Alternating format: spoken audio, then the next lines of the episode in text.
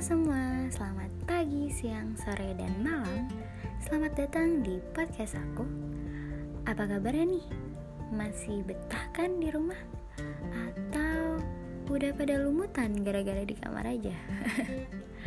oh ya, sebelum mulai jauh ke topik yang akan aku bawa Enaknya kenalan dulu ya Nama aku Safina Bahis Rukmin Biasa dipanggil Vina Ya, walaupun banyak yang manggil aku dengan nama kreatif ciptaan teman-teman ya. Lalu dengan NIM 2109411 kelas 1A dari kelompok 6. Kali ini aku ingin membahas juga menceritakan tentang masyarakat menolak vaksin. Kenapa ya? Padahal manfaatnya banyak loh. Sebelumnya aku ingin tanya nih, Kalian udah pada vaksin belum? Kalau emang belum, kenapa sih? Pasti ada sebagian dari kalian yang sudah waktunya vaksin, tetapi kalian menundanya dengan berbagai macam alasan. Bahkan ada pula yang menolak keras untuk divaksin.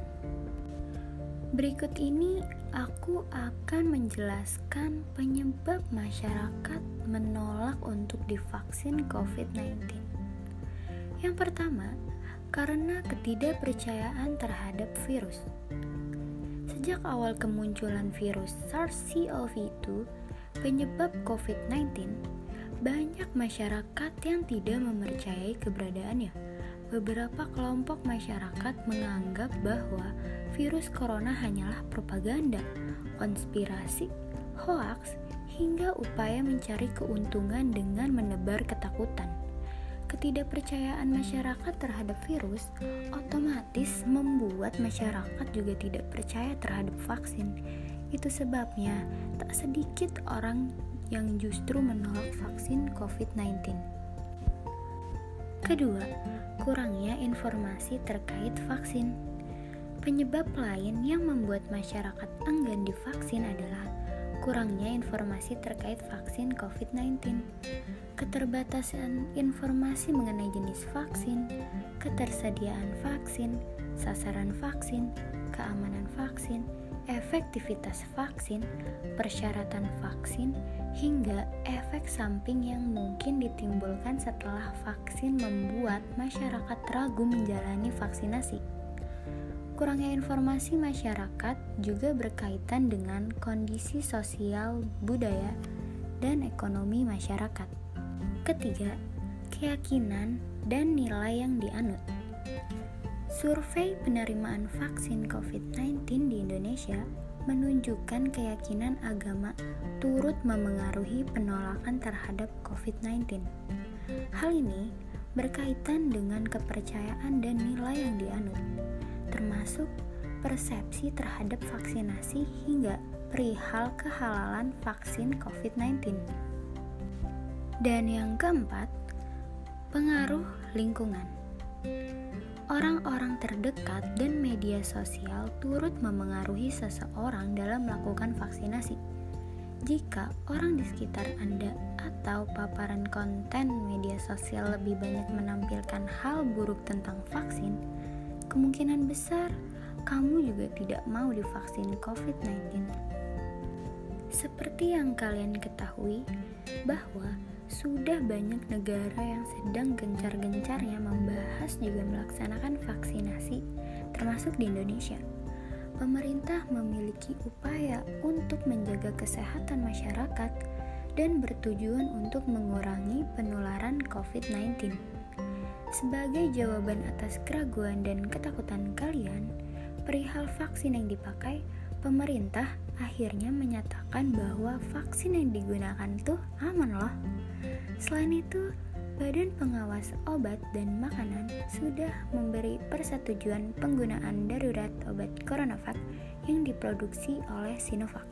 Dan dalam undang-undang pun sudah dinyatakan suci dan kehalalannya. Selain itu, Presiden Jokowi juga udah ngomongin kalau vaksin bisa kita dapatkan secara gratis. Presiden Jokowi pun sudah menjadi orang pertama yang divaksin sesuai dengan janjinya. Jadi jangan takut lagi ya. karena udah dibuktiin nih sama Presiden Jokowi. Dengan kita melaksanakan vaksinasi, kita akan dipermudah dalam memasuki area publik seperti restoran, gym, tempat ibadah, dan kawasan wisata lainnya. Karena mulai sekarang itu udah hampir semua kawasan melaksanakan sistem scan barcode yaitu diperbolehkan memasuki kawasan apabila sudah melaksanakan vaksinasi. Jadi, kalau kita belum melaksanakan vaksin, itu kayak seakan-akan kita bakal susah ke mana-mana karena emang benar akan susah masuk ke area publik kalau kita belum vaksin sama sekali. Jadi buat kalian yang masih ragu, aku kasih tahu nih manfaat yang akan kita dapatkan apabila melaksanakan vaksin. Yang pertama, memberikan perlindungan ekstra saat beraktivitas, yaitu dapat mencegah penularan virus corona karena dapat membentuk kekebalan kelompok. Agar memiliki kekebalan maksimal, para ahli mengatakan setidaknya butuh 70% dari populasi untuk mencapai kekebalan kelompok ini. Yang kedua, dapat menghentikan penyebaran COVID-19. Fungsi vaksin bukan hanya bertujuan untuk memutuskan rantai penularan penyakit atau menghentikan wabah yang sudah terjadi, tapi juga berguna untuk mengeliminasi penyakit dalam jangka panjang. Yang ketiga, melindungi generasi selanjutnya. Menurut Mayo Clinic, tujuan vaksinasi salah satunya adalah mencegah masuknya virus yang dapat bereplikasi dan bermutasi lebih kebal terhadap vaksin. Dengan mengambil langkah ini, kamu dapat menurunkan laju infeksi COVID-19, memutuskan rantainya, serta dapat melindungi generasi selanjutnya. Yang keempat, dapat bersosialisasi lebih leluasa. Ya, memang setelah mendapatkan vaksin tentunya dapat menurunkan resiko paparan virus COVID-19. Tapi jangan salah mengartikan kalau kamu bisa mengunjungi keluarga, teman, atau kerabat yang sudah divaksin dengan bebas.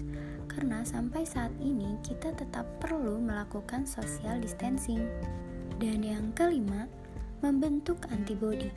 Pada poin sebelumnya sudah dijelaskan jika dengan mendapatkan vaksin COVID-19 tidak membuat orang kebal 100% terhadap virus corona, namun terbukti dapat membentuk respon antibodi untuk sistem kekebalan tubuh yang lebih baik. Hal ini terbukti dari sebuah studi baru para ilmuwan di Rockefeller University, New York, Amerika Serikat yang menunjukkan kalau terjadinya peningkatan daya tahan tubuh alami terhadap SARS-CoV-2. Nah, maka dari itu buat kalian jangan lupa vaksin ya. Sudah sangat jelas aku sampaikan dan aku simpulkan bahwa vaksin itu tidak seburuk dan semenakutkan itu loh. Justru vaksin adalah salah satu upaya pemerintah untuk mempercepat kita keluar dari masalah pandemi COVID-19 agar segera bisa memulihkan segala dimensi kehidupan kita semua. Oke, sekian dari podcast aku. Mohon maaf apabila ada kesalahan kata. Terima kasih ya buat yang udah dengerin. Sampai jumpa lagi. Dadah.